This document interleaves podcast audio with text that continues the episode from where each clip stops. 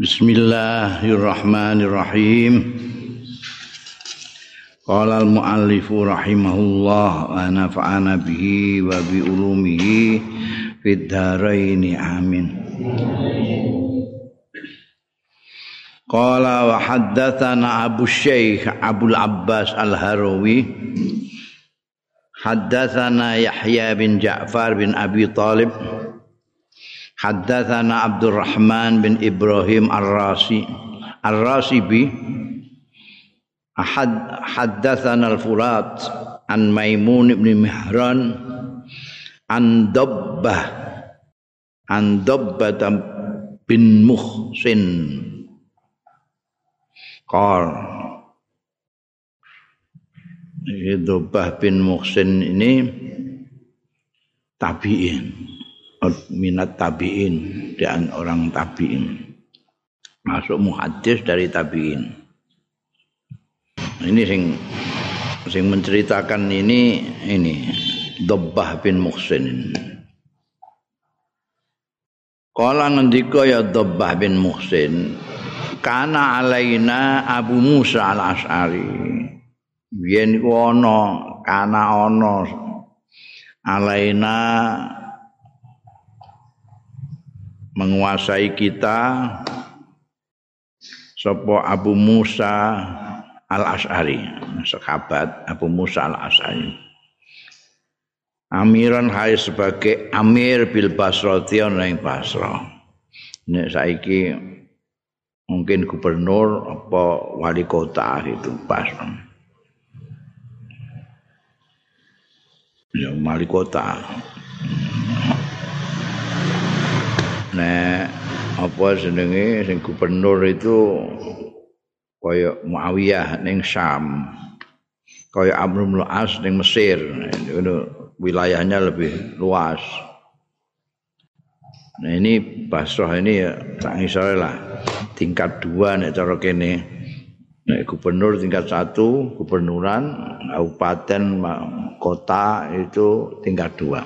Ini Basrah itu bagian dari Irak. Mbien mbien dari negara dewi. Dari Basrah Kufah. Sekarang Basrah Kufah masuk Irak. pada waktu itu Dobah bin Muhsin, Muhsin ini menceritakan bahwa pada waktu itu penguasanya wali kotanya atau bupatinya di kita itu adalah Abu Musa al-Ash'ari. Abu Musa al-Ash'ari itu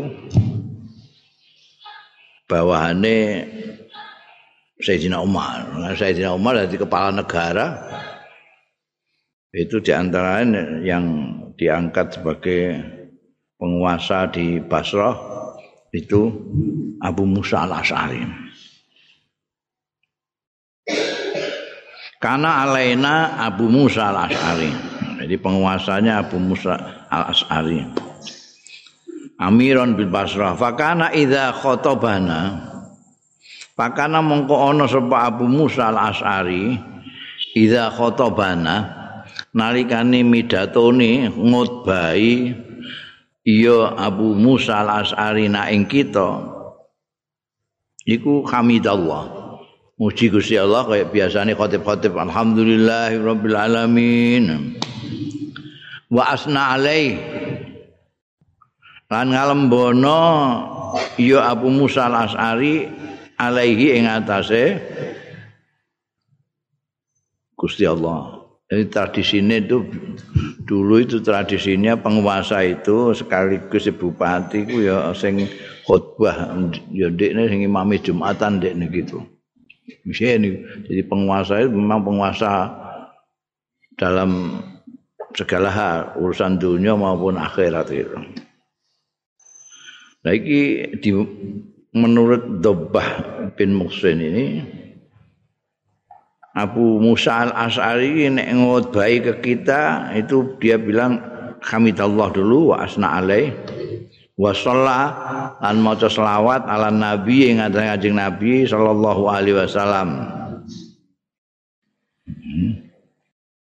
Ya kaya ning kene khotbah khotbah gitu alhamdulillahirabbil alamin wassalatu wassalamu ala asrofil mursalin. Maca selawat ini kanjeng Nabi Muhammad sallallahu alaihi wasallam. Wasanna dan mendua kali ini yat'u li umar begitu bar selawat ning kanjeng Nabi langsung ndongakno li Umar marang sahabat Umar. Mereka sahabat Umar iki kepala negara pada waktu itu. Durane Abu Musa al-As'ari sebagai penguasa Basrah. Itu di bawah kepala negara Umar bin Khattab. Jadi nek khutbah bareng ngalembono Gusti Allah selawat ning gone Kanjeng Rasul sallallahu alaihi wasallam terus ndongakno sahabat Umar. Kala Andika sapa Dobah bin Musan faghadhani dzalik. Mongko mangkelno ing ingsun apa dzalika? Mengkono-mengkono khutbahe. Khutbahe Abu Musa al-Asy'ari Dalika iki mengkono-mengkono khutbah iku sing muji Gusti Allah ngalembono terus selawat ning Nabi terus ndongakno Umar. Kok mangkel? aku mangkel minhu saking Abu Musa al-As'ari. Pakul tu mongko ngucap sapa ingsun aina anta an sahibihi tufaddiluhu alai oh ono oh dikhotbahi karo penguasa kok. Protes ndak ono. Zaman bayang dadi nek cara oh, demokrasi demokrasi ini enggak kalah be zaman saiki ya. Ngono iku wis pol demokrasi ini wong penguasa lagi pidato dan di mangkeli sih hmm? ini Aina anta an sahibihi Ning endi sampean? Sira tempu di sampean niku. An sahibihi saking sahibe sahabat Umar. Tufaddilu alai jenengan ngutamakno Umar alaihi ngalahake sahibihi sing dimaksudna sahabat Abu Bakar Siddiq ya kok gak nyebut sahabat Abu Bakar Siddiq hmm. Nur, apa menurut sampean niku Umar lebih utama dari Abu Bakar Siddiq? Ngono sih ini gak terima. Sahabat Abu gak disebut bar kanjeng Nabi terus langsung ndongakno Sayyidina Umar. Ora terima. Wah ini rawong saiki tambah diamuk neh kabeh. Ora dirembuk blas ora dirembuk kan sahabat Abu Bakar ora tahu di mana kipi eh gak tahu ana manakib sahabat Abu Bakar gak ono sahabat Umar ya gak tahu Utsman Ali gak tahu Ngger manakib ya Syekh Abdul Qadir Jalani. Iku nak cara hierarki rak tambah adoh itu. Ana dobah diamuk kowe. Ngomong sama. Eh? Jadi kowe ngutamakno anu timbanganan. Ono. Iki yang ora nyebut sahabat Abu Bakar diprotes. Kala fasona adzalika juma'an. Mongko kolane rujuke ning gone dobah juga itu, dobah. Fasana amangka gawe sapa Abu Musa al-As'ari dzalika ing mengkono-mengkono model pidato niku. Juma'an ing pirang-pirang Jumat Ije Jumat esuk ngono nae wis bar tak lokno barang iku. Ije ngono ae. Ora nyebut-nyebut sahabat Abu Bakar.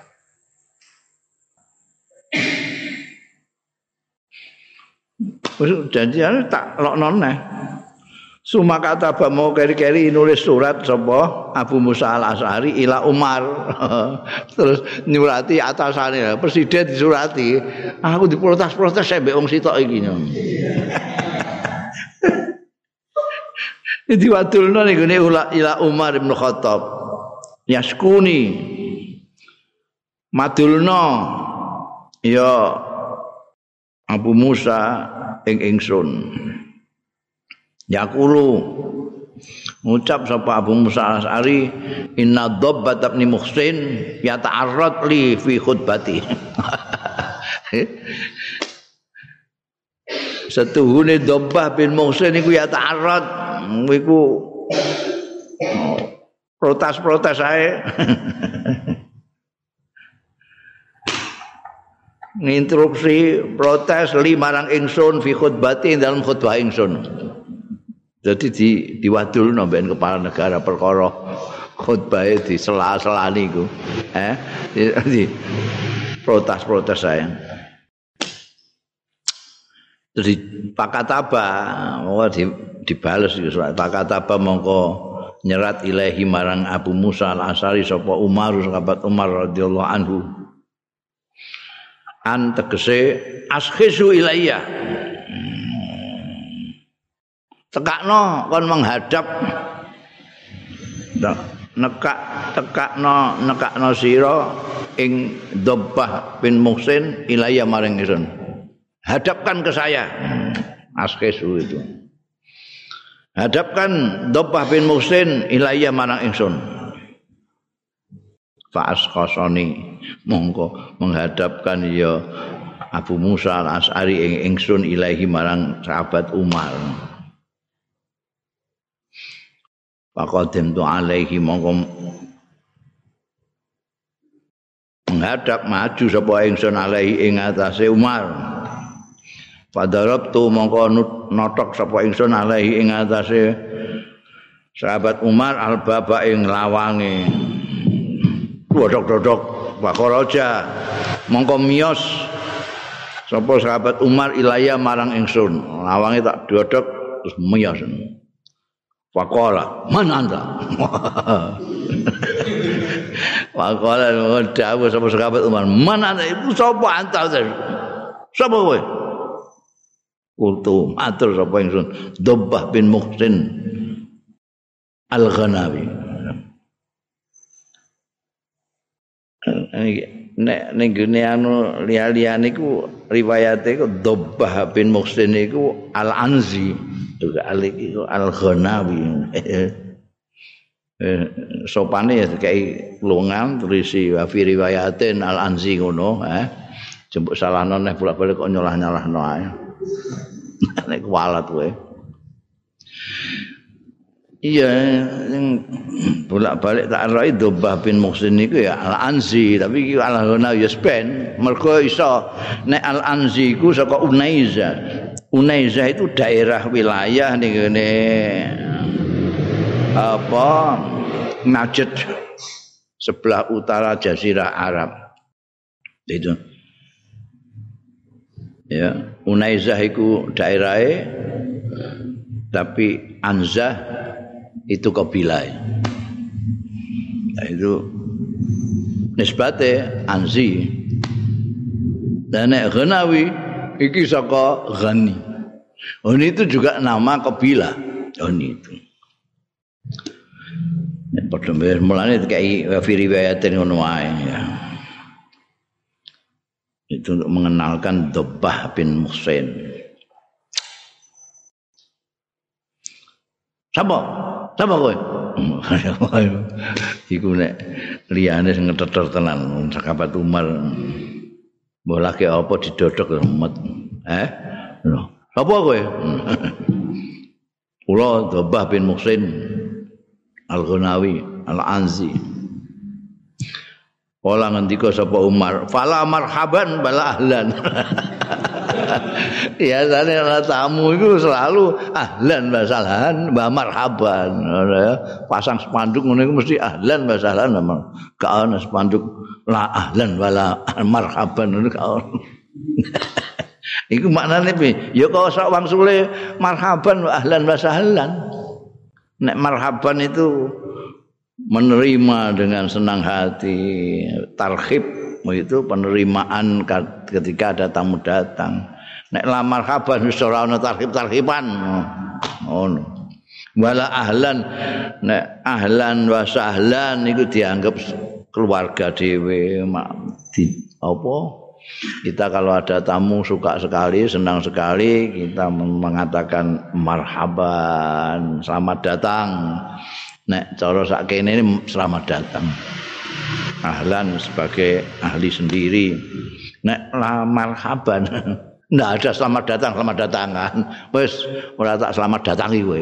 Nah. Pala marhaban wala ahlan. Yo ngono sih wani jawab itu, Pak. Pakul mongko matur sapa ingsun. Pak amal marhab fa minallah. Ora wani dene. Wes Iku wandel tenan iki to iki masyaallah. Wes kabat umar. Yo soalnya ya itu. Apalagi pada zaman sahabat Umar. Makanya orang-orang modern pun mengakui bahwa sahabat Umar itu sebetulnya bapak demokrasi yang sejujurnya ya ketika apa Michael Hart wong Amerika yang nulis tentang 100 tokoh paling berpengaruh di dunia itu nomor siji kanjeng Nabi Muhammad Sallallahu Alaihi Wasallam terus nomor telung puluh lima itu Sayyidina Umar. Sayyidina Umar dianggap pengaruhnya besar sekali karena apa namanya eh, peranata peranata modern itu sudah dilakukan oleh sahabat Umar. Jauh hari mana ada administrasi ada tentara digaji mulai ini sampai ada pengusulan untuk mengumpulkan Al-Quran itu sahabat Umar Idin. Dan yang paling paling apa namanya fenomenal itu ya itu. Egaliternya dan demokrasinya.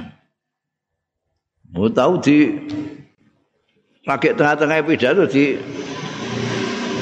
apa jenenge diinterupsi karo wong wedok Iku ning kene ana piye bupati pidato sih. Akhirin Pak Bupati. Wah, cewekal Satpol PP kowe. iya. Sahabat Umar menerima. Iku kan ceritane kok.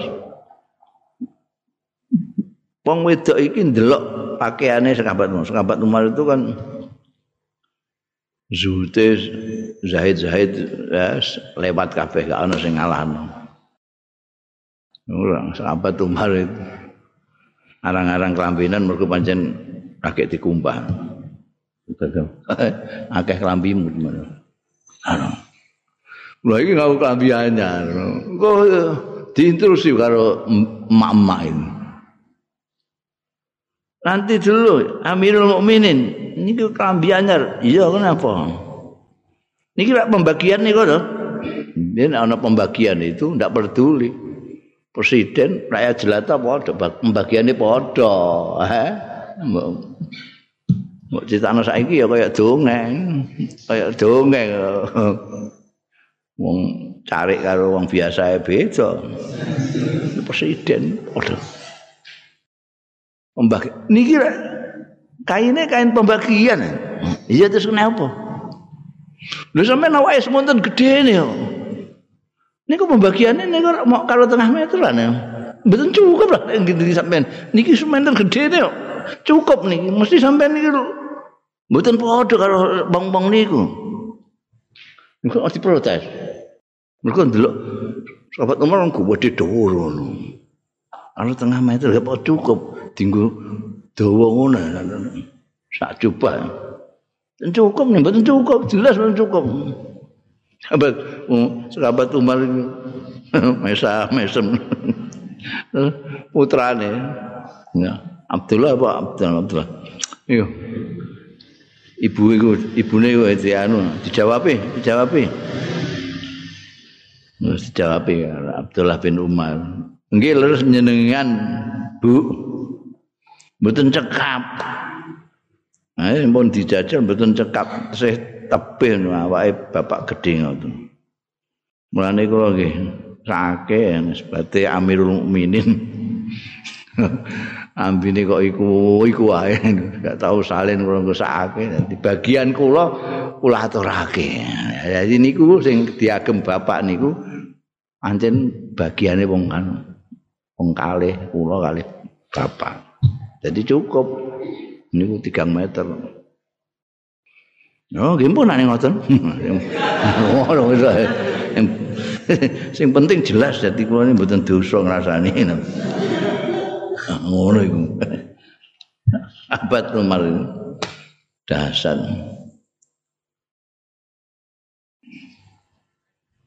Lha iki ning kene iki dobah iku termasuk ngani kemanenen to iku.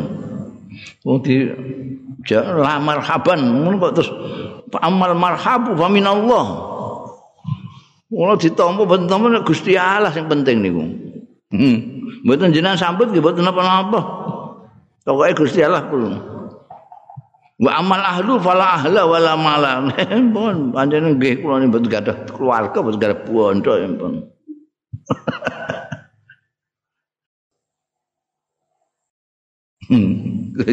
Wonder lah niki. Wala ahla wala. Tapi ma istahlal ta isqasi. Mau kenging napa? Jenengan kok ngalalake.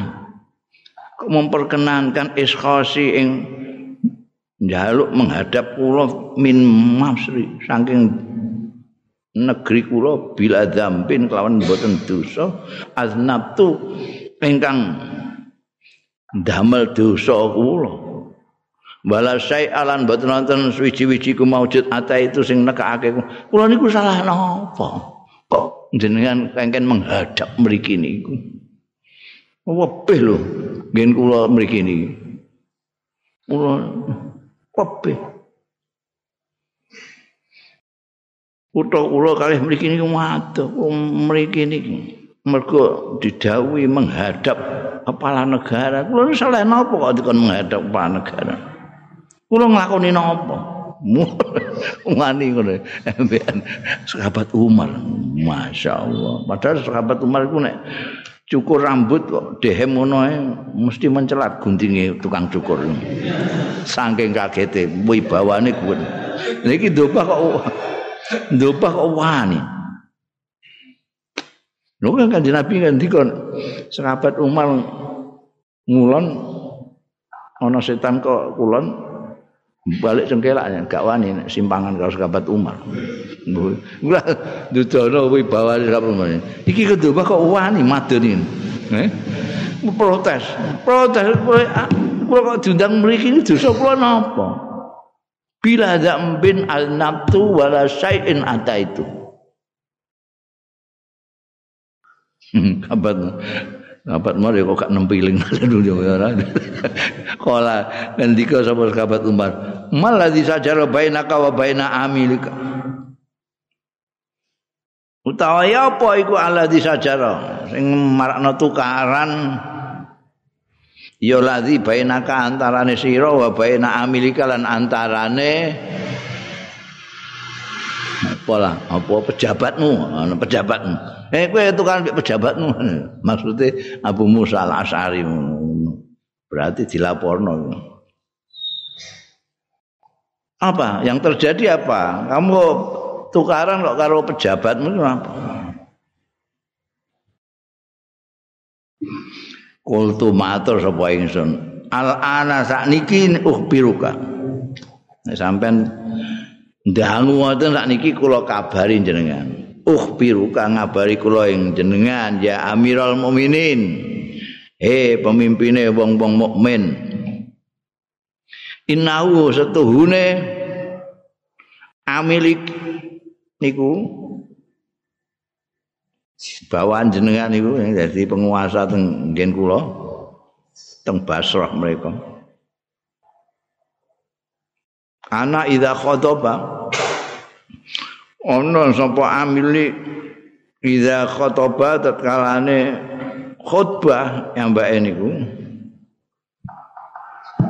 Ujuke ning ngene amil ya ning ngene Abu Musa al-As'ari ya kena langsung ning dhuwur kono. Tapi sing cedak ya amilika iki idza khotoba fahamidallah. Yang mbak ini nek khutbah terus ngalembono Gusti Allah wa asna lan muji alaihi ing atase Allah wa sallallahu nabi lan maca selawat ing atase Kanjeng Nabi sallallahu alaihi wasallam wa sanna lan kaping pindho niku terus yaturaka ndongakno ki ambake lakat dateng sak jenengan faghadhani niku mangkelno kalau dikandakno ngono faghadhani mongko mangkelake ing kula napa zalika mengkono-mengkono. Ya bareng muji Gusti Allah ngalembono Gusti Allah selawat mbek Kanjeng Nabi kok sing kedua kok terus ndongakno sampean. Kula mboten mangkel. Fakultu Ya kula terus madoni iki ambake fakultu belum matur kula. Aina anta sahib. Ini kula muring-muring. Aina anta. Di mana sampean? Iku ana ing diantau ta sira. An sahibi saking sahibe Umar. Kok tufaddiluhu ngutamakno ampean ing Umar alaihi ing atase sahibuhu. Kok gak mbok sebut-sebut sahibe? Kok langsung Umar? Bar Kanjeng Nabi ora mesine sahibe sahabat Umar sik lagi sahabat Umar kok terus langsung Umar sahib gak disebut blas mboten mangkal kula kok tadi anu sing diomongi ngono iku padahal sahabat Umar Bar ngoten terus pak kata ba ilaika. Terus ki ambek wis surat diduduhake kula tak surati bab ilaika. Kula surati. Pak kata ba mongko nulis surat amil kula. Ilaika dateng jenengan yaskuni. Madulake ya mbak nik ing kula. Apa yang terjadi sahabat Umar? Gak muring-muring. Kala ndika sapa Dhabbah bin Muhsin. Pandafa moko langsung sapa Umar bagian hal nangis. Sahabat Umar langsung spontan. Pandafa itu spontan. Krungu aku muni ngono spontan sahabat Umar iku bagian halin nangis. Bahwa yaqulu wa huwa sahabat Umar iku yaqulu ngendika anta wallahi aufak minhu. Sira wallahi demi Allah iku aufak luwih cocok minhu tinimbangane luwih bener minhu tinimbangane amiluka wa arsad. Lan luwih bener minhu tinimbangane amiluka. Oh oh kowe gak kayak dongeng ngono iku ha dongeng apa yang disampaikan Dobah bin Muhsin itu kebenaran? Bahwa memang seharusnya sahabat Umar itu di bawah sahabat Abu Bakar. Bagaimanapun juga sekarang itu yang menjadi kepala negara Umar. Tapi kalau barendungakno Kanjeng Nabi ya ya semestinya sahabat Abu Bakar berikutnya bukan sahabat Umar, mentang-mentang sahabat Umar presiden ya. Kok gak disebut sing dhisik-dhisik luwe utama ngono. Iku sahabat Umar nangis ngguguk di samping sahabat Umar itu pancen gembeng ya nangisan itu tapi betul-betul kena dengan hati ini. Bener bener. We bener bener. We bener kowe di mana iya iya iya. Oh oh eh lah iki polisi kowe. Mari-mari ngono ini. Ini coba jernihnya itu sahabat Umar. Mau dimangkelno koyo ngono iku wong eh iku kan gak di jabatan apa-apa Ndak dijawab wani ngomong ngono mbekan kepala negara iku lak wis gregetno jane. Sahabat Umar itu masih bisa jernih berpikir. Iki bener. Dan diakoni. Ngono ora tadi mau ngono sahabat Umar, fahal anta ghafirun li dzambi. Jaluk ngapura. Njaluk ngapura mergo wis nimbali wong adoh-adoh kok basah. Hanya karena mendengar aduannya bawahannya. Saiki ana kowe di eh ana bupati madulno kowe ning ngene gubernur apa meneh ning presiden ora durung apa-apa wis dicekel sik ngono ae. Sewektu ora ngantek tekan presiden itu. Ngantek tekan gubernur ngono wis ora kabeh kowe. Iki presidene benerno ndekne terus njaluk ngapura fahal anta ghafirun li dzambi?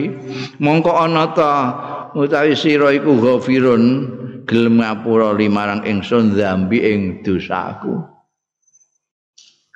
Wes mau memaafkan saya. Saya salah. Saya kok nerima begitu saja. Aduannya anak buahku. Aku mbok di ngapura. Yaghfir mongko ngapura sapa Allah Gusti Allah laka sira. Nek kowe gelem ngapura aku ya doba insyaallah kowe di ngapura Gusti Allah. Di ngapura ya kultu matur sapa ingsun. Doba iki sing muni kultu. Wa farallahu laka ya amirul mukmin kemuga ngapura sapa Allah Gusti Allah laka dateng ampean ya amirul mukminin eh amirul mukminin. Tuman dafa abagian mongko keri-keri mulai ne ha? Indafa niku iku mau sepotan bagian kali nangis. Sahabat Umar di apa diaturi karo dopah ghafarallahu laka iki nangis meneh langsung spontan nangis meneh eh? Bumbeng tenan sahabat Umar nangis meneh. Wa huwa kale utahi sahabat Umar iku yaqulu ngendika wallahi demi Allah lalait lalaitatun. Yakti sewengi ae min Abi Bakrin. Saing sahabat Abu Bakar. Wa yaumin lan sedinane Abu Bakar khairun. Luwih bagus min Umar. Tinimbangane Umar wa Ali Umar selawase urip itu. Sedina sewengine sahabat Abu Bakar kok bandingno karo Umar karo keluargane ra apa-apane sewengine sedinane Abu Bakar itu sedemikian hebatnya sampai tidak tertandingi oleh seumurnya Umar dan keluarganya. Itu ngormati sampai ngono. Jadi bareng ngerti motive dobah ngelawan anak buaya Abu Musa al Asari kayak ngono beliau kelingan sekapa tahu bakar nangis terus. Iya. Sedina sewengine Abu Bakar khairun min Umar wa ali Umar. Fahal laka an uhadisaka? Mongko ana ta? Pengin laka kedue sira an uhadisaka? Yen nritani sapa ingsun ka ing sira bilailatihi kelawan bengine Abu Bakar wa yaumihi lan awane apa? Lailah bayam dinane Abu Bakar. Fakultu matur sapa ingsun dobah iki. Naam nggih ya amirul mukminin kepengin kula. Anjen ngendikani mengenai dalu lan dintenipun sahabat Abu Bakar sing menurut jenengan langkung sae tinimbangane Umar wa Alu Umar. Kala dawuh sapa sahabat Umar Amma lailatuhu ana dene bengine sahabat Abu Bakar. Fa inna rasulullah mongko sedune Rasulullah sallallahu alaihi wasallam lamma kharaja. Nalikane miyos sapa Anjing Rasul sallallahu alaihi wasallam min Makkah saka Mekah. Hariban halim lahayu minal musyrikin. Saking wong-wong musyrik kharaja. Miyas sapa Kanjeng Rasul sallallahu alaihi wasallam. Lailan ana ing dalem wektu bengi. Fatabi'ahu mongko nderekake ing Kanjeng Rasul sallallahu alaihi wasallam. Sapa Abu Bakrin Abu Bakar. Faja'ala mongko umandang sapa Abu Bakar maratan sekali tempo. Yamsi amamahu. Melampah ya Abu Bakar amamahu ana ing ngarepe Kanjeng Rasul sallallahu alaihi wasallam. Wa maratan lan sekali tempo khalfahu ana ing burine Kanjeng Rasul sallallahu alaihi wasallam wa maratan lan sekali tempo an yaminihi saking sebelah tengene Kanjeng Rasul sallallahu alaihi wasallam wa maratan lan sekali tempo an yasari saking kiwane Kanjeng Rasul sallallahu alaihi wasallam Gue tak kandani ya. Nalika Kanjeng Rasul sallallahu alaihi wasallam miyos mergo digudak-gudak karo wong musyrikin. Miyos saka Mekah iku sing nderekake sahabat Abu Bakar. Sahabat Abu Bakar iku mlakune iku berjalannya itu kadang-kadang di depannya Kanjeng Rasul, kadang-kadang di belakangnya, belayu ke kanannya, belayu ke kirinya. Iku sahabat Abu Bakar. ngantek fakola ngendika lahu marang sahabat Abu Bakar sapa Rasulullah Kanjeng Rasul sallallahu alaihi wasallam ma ya Abu Bakrin iku apa? Hadza utawi iki ya Abu Bakrin. Kok kowe maju mengguri ngiwa? Itu apa? Ma'arifu hadza min fi'lika. Aku durung tau roh sapa ingsun. Hadza ing iki min fi'lika saking perbuatanmu. Aku gak tau roh kowe ngene iki. Mlaku model ngono iku model apa apa jawabane Kala matur sapa sahabat tahu bakar ya Rasulullah. Duh Kanjeng Rasul alkul alkur. Kula kemutan, kula eling. Jangan-jangan mm, kelingan arrosda ing pengawasan iki ndang ana wong musyrik sing ngawasi. Fa aku amamak.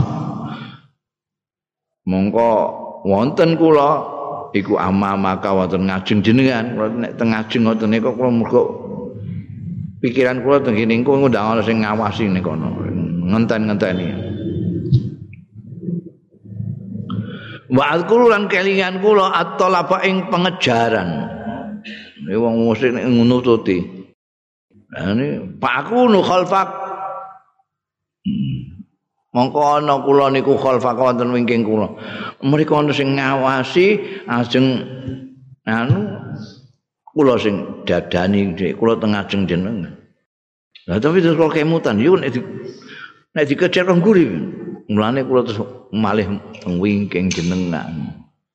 Jo ngantek jenengan riyin wa maratan an yaminik wa maratan an yasarik oh sak ambalan an yaminika ing dalam setunggaling ambalan an yaminika kula melampah wonten sebelah kanan jenengan.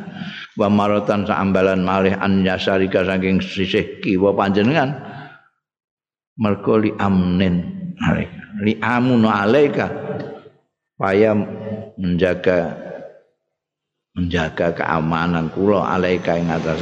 Kula pados rumangsa jenengan iki tidak terancam kanan ke kiri.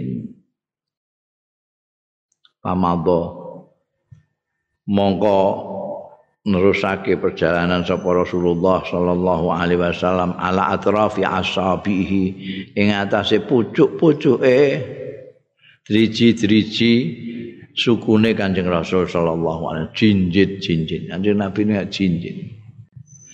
Ndelok pemature sahabat Abu Bakar Siddiq yang begitu waspada jangan-jangan di depan nanti ada yang ngawasi di belakang ada yang ngejar di kanan ada yang nyerang kanjeng Nabi malam-malam itu jalannya bersih jingkat.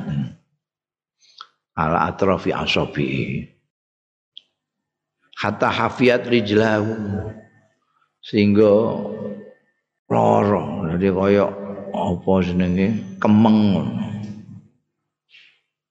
Wah itu rasa sakit di kaki kalau banyak jalan itu hafiat. Apa rijlahu suku kali Kanjeng Rasul sallallahu alaihi wasallam. Apa kejang apa kemeng ngono kemeng hafiat kemeng apa rijlahu. ngono iku falamma ra'a bareng pirsa sapa Abu Bakrin sahabat Abu Bakar radhiyallahu anhu annaha qad khafiyat. Setuhune rijla Kanjeng Rasul sallallahu alaihi wasallam qad khafiyat.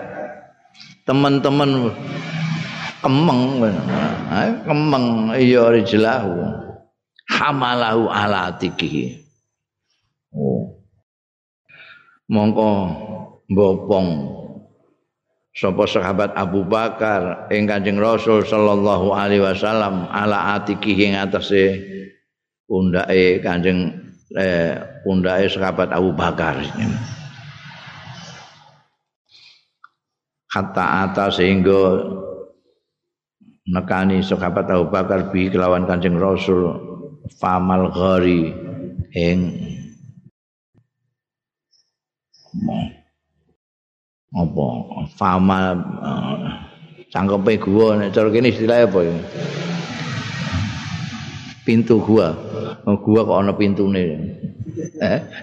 Ngono sebut takoki gemboke bareng dong iku ora eh guane Aladin sing ana gemboke bareng. Iki gua iku apa? Mulut iya nek bahasa Indonesia mulut gua. Mbah nek bahasa Jawa Napa nek bahasa Jawa? Eh padha karo aku ora Jawa ku. Mulut mulut ya cangkem, cangkeme gua gak panti pantes. Kalau mulut gua pantes. Hmm, jadi dibopong Kanjeng Nabi itu karena sukune wis apa gemeng banget itu. Ngantek tekan mulut gua. Fa'anzalahu mongko. Ngeduna wong digendong dipopong didono fa'anzalahu mongko ngedunake sapa sahabat Abu Bakar hu ing Kanjeng Rasul sallallahu alaihi wasallam. Sumakal mongko kali-kali matur sahabat Abu Bakar. Waladzi ba'atsaka bil haq. Demi zat bahasaka ingkang ngutus ladika ing panjenengan bil haqqi kelawan benar lawan hak. Latat khulu ampun melebet jenengan ing ghor. Antanggih jenengan hatta adkhulahu sehingga nglebeti kula hu ing ghor ngono ngantek sumpah balati bahasa kabeh saking nemene nyuwun karo Kanjeng Rasul sallallahu alaihi wasallam jangan masuk dulu. Jenengan ampun mlebet riyen kula tak sing mlebet riyen. Fa in kana fi nek apa? Mangke fa in kana fihi. Mongko lamun ana fi ing dalem ghar apa saeun suwiji-wiji sesuatu maka badaa yang bae ben miwiti sek wau bi kelawan kula qoblaka sak derenge jenengan. Mangke nek wonten napa-napa kala jengking napa ula. Niku ben nek anu nggih kula riyen. Sak derenge jenengan. Falam yaro sayun yasturu bi oh, apa nutupi yastari yastari buhu ya iku titik telu sono. Aku rada curiga mek kitab iki soalnya. Kadung curiga angel. Palam yaro sayan yastaribu. Bareng ora ngerti ora pirsa sapa sahabat Abu Bakar. Sayan ing sesuatu yastaribu sing marakno meragukan sapa Abu Bakar ing Syekh fahamalahu. Mongko bopong sapa sahabat Abu Bakar ing Kanjeng Rasul sallallahu alaihi wasallam wa anzalahu lan ngedunake sapa sahabat Abu Bakar ing Kanjeng Rasul sallallahu alaihi wasallam. Wa kana fil ghar lan ana fil ghar iku ana ing Gua kono iku kharkun ana bolongan fihi kuwi dalem kharkun hayatun ula. Kono leng ula. Apa yang dilakukan? Falamma ra'a dzalika Abu Bakrin. Bareng pirsa zalika ing mengkono-mengkono kharkun fi hayatun mau sapa Abu Bakrin sahabat Abu Bakar. Alqamahu wong jejelke sapa sahabat Abu jejeli? Jejeli sapa sahabat Abu Bakar? Hu ing kharkun mau qadamahu jejelake qadamahu ing sukune Sayyidina Abu Bakar. Sukune dijejelno ning bolongan mau sing isine ula. Faja'ala mongko dadi ya sauhu kelakuan iku ya sauhu nge nyatek. Ya sek hu ing sek iku khayat iku mau ula. Hu ing sahabat Abu Bakar. Au yadribu au minar rawi. Apa ya sahu apa yadribu? Nek yadribu memukul nek ya sahu apa mau? Apa mau ya sahu nyatek nyatek apa apa nek ula iku apa nah, aku gak tahu bergaul mbek ula soalnya apa nek nyatek nyokot apa ngentup nek ngentup itu tawon biasanya tawon anu ya sahu hmm. yadribu Long iki dilepokne ning bolongan, eh. Jadi casek konsum. Wah, la ilaha Dipagut banan dipagut. Wajah alat hati apa dumu uhu. Air matane sahabat Abu Bakar tan hadiru. Leweran ala khadi ing atase pipine sahabat Abu Bakar. Min alami mayajid saking larane barang ya jitu sing nemu sapa sekabat Abu Bakar. Kanjeng Nabi besone kok nangis iku lha apa? Wedi apa piye? ngono ora ngerti nek iku mergo dicokot iku mang. Ini kan Rasulullah alaihi Kanjeng Rasul sallallahu alaihi wasallam ya kulo ngendika la tahzan aja susah ya aja susah. Innallaha ma'ana.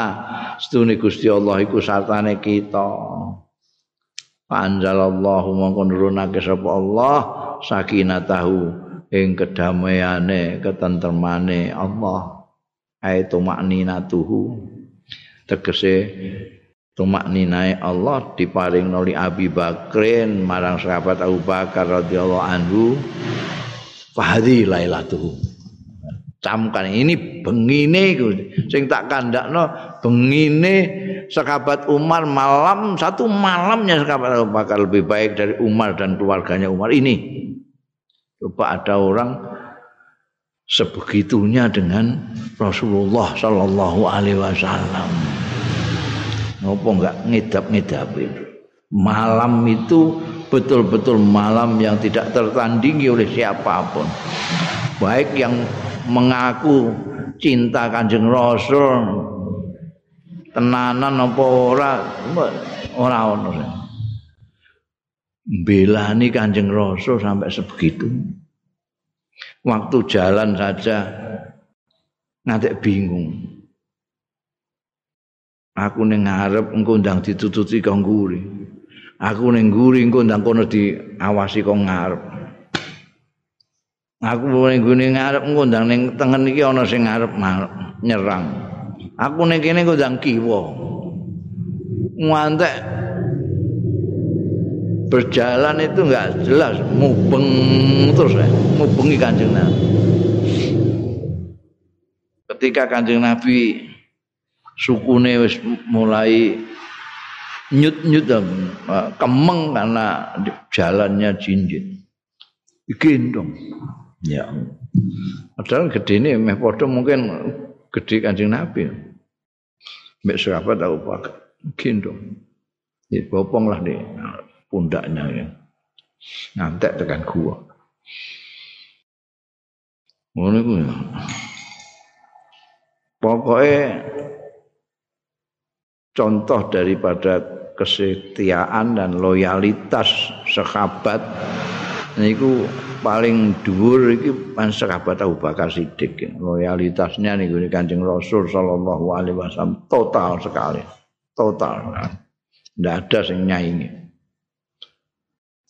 apa yang kira-kira menyebabkan Kanjeng Nabi itu terluka, tersakiti, beliau hadapi duluan.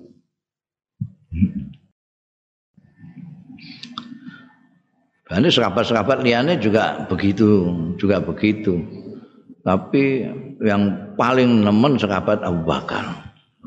Soalnya pada saat kritis, pada saat belum kuat apa, eh? Belum kuat. Orang-orang Islam masih dikejar-kejar oleh orang musyrik. Sahabat Abu Bakar sudah kayak begitu pembelaannya. Iku begini tok. Wa amma yaumuhu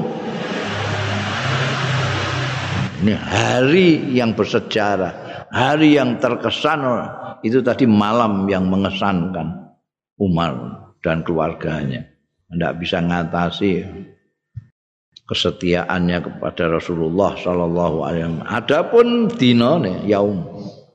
Palamma tuwfiya.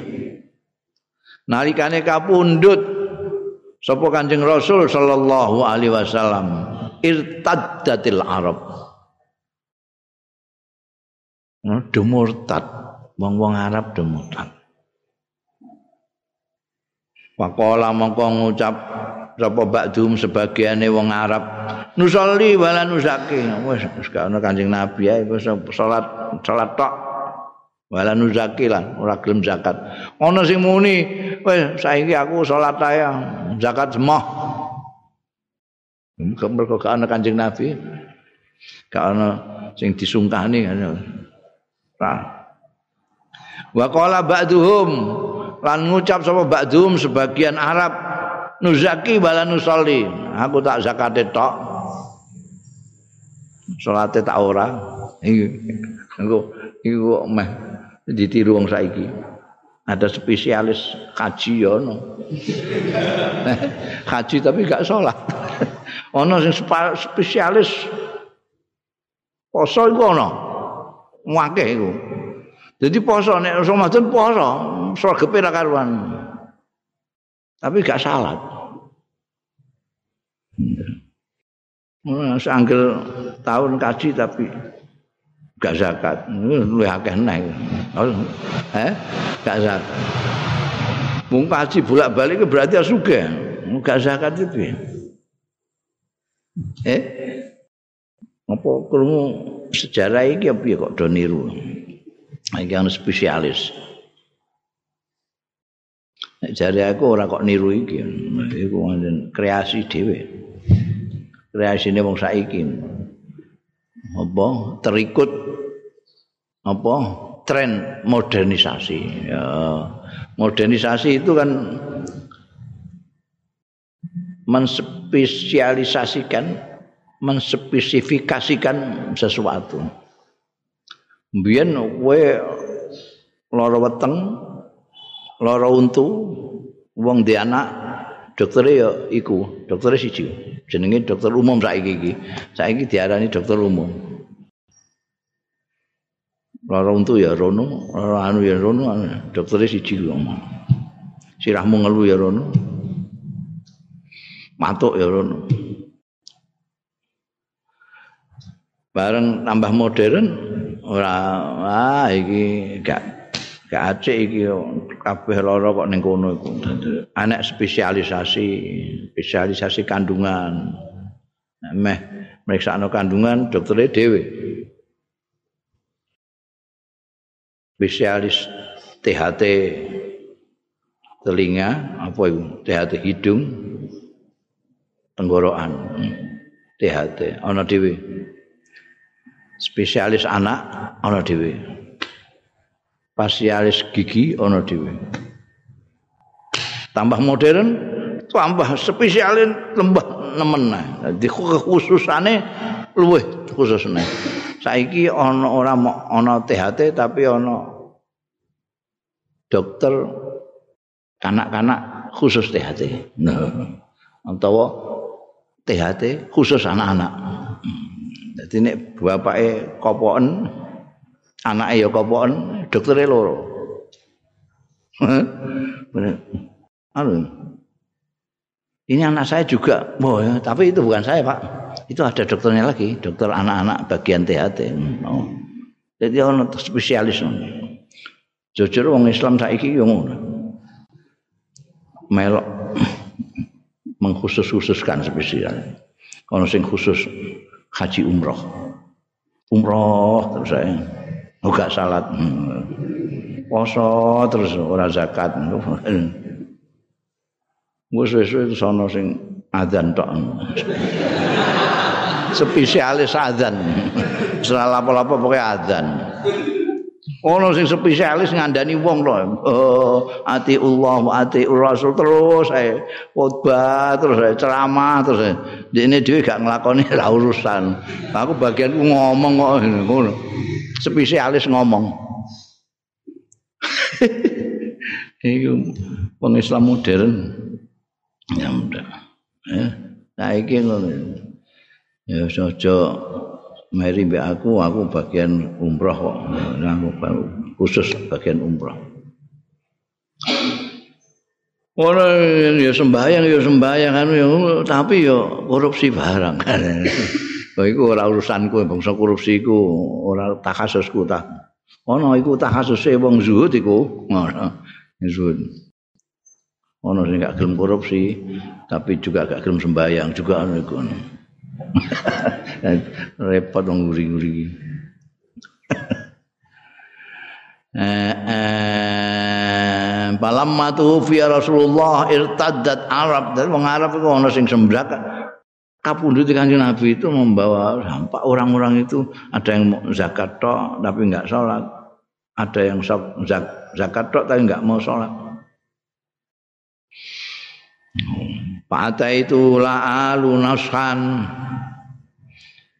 Mongko nyuwani sapa ingsun ing Abu Bakar la alunus kan ora kurang-kurang ingsun nuskan apane nasekatine wis aku bolak-balik nasekati. Fakultu moko matur sapa ingsun ya khalifah Rasulullah. Kan dia merasa orang dekat jadi memberikan masukan-masukan lah. Bolak-balik. Ya khalifah Rasulullah duh khalifah Kanjeng Rasul sallallahu alaihi wasallam ta'ala finnas kula aturi nglulut-nglulut jenengan annasa ing tiang-tiang niku walfak bihim patus ngelus jenengan bihim kelawan nas dan dengan ampun sahabat Abu Bakar ketika jadi khalifah itu itu berbalikan dengan sahabat Umar. Sahabat Umar itu dulu keras sekali. Tapi begitu sahabat Abu Bakar jadi apa namanya? jadi khalifah itu berbeda dengan kemarin. Kemarin itu lembut, halus itu. Kurang keras. Orang tidak mau zakat, perangi. perangi tidak zakat perang. Nah, sekabat umur gak cocok lah. Tangan itu saya sholat kok. Yang mbak itu saya sholat. Betul zakat nggak mawon. Oh lah, perang. Mau Nah, sekabat tahu Umar itu terus memberi masukan terus saya. Mbok sing halus kali tiang-tiang ini wong niki ambake nggih tiang Islam.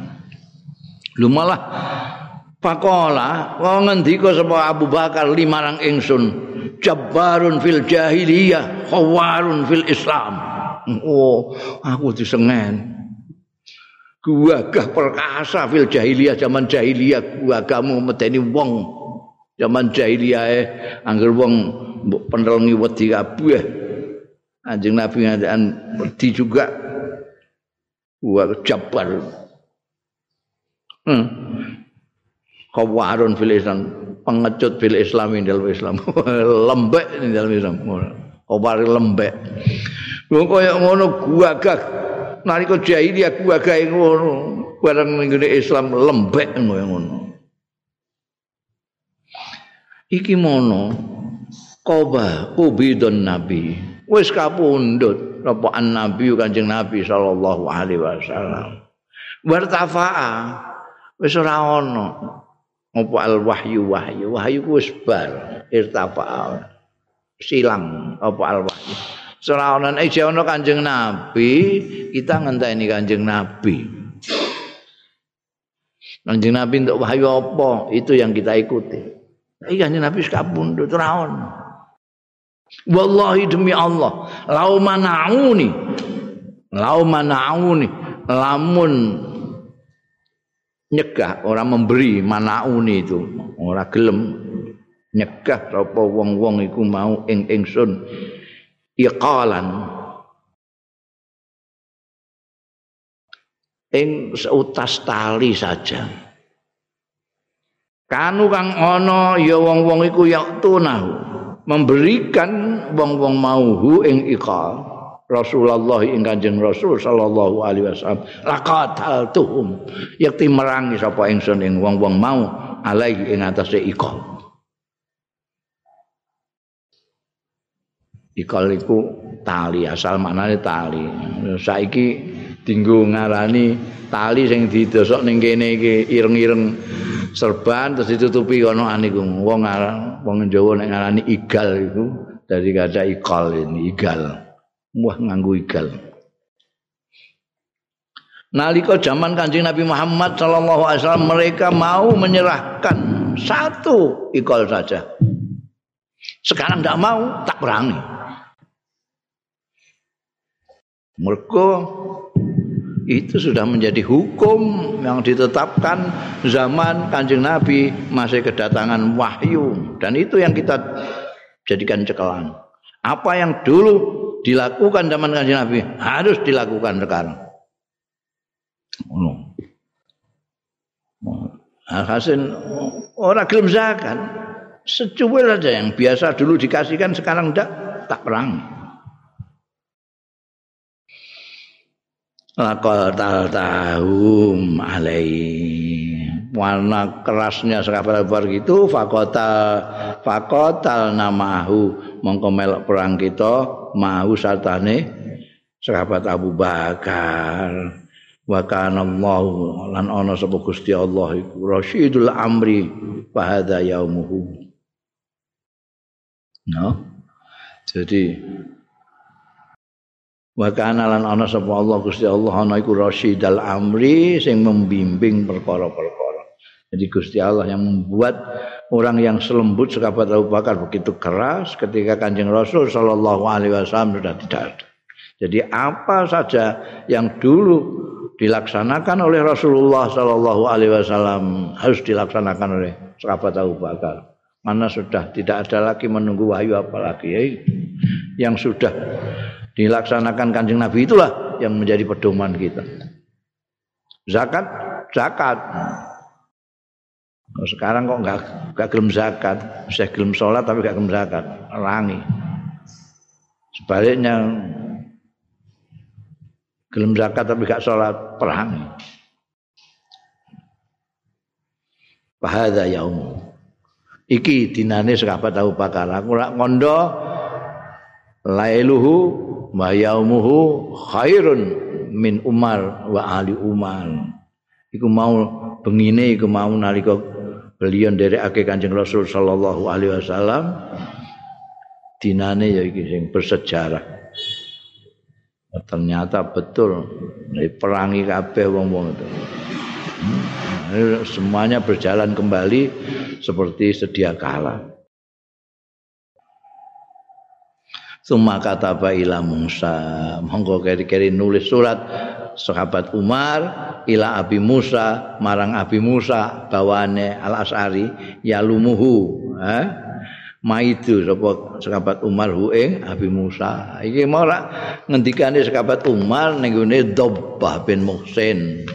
Dalam kaitannya gegerane karo penguasa Basrah Abu Musa Al Asari. Ceritane ngono terus kapan Umar nulis surat?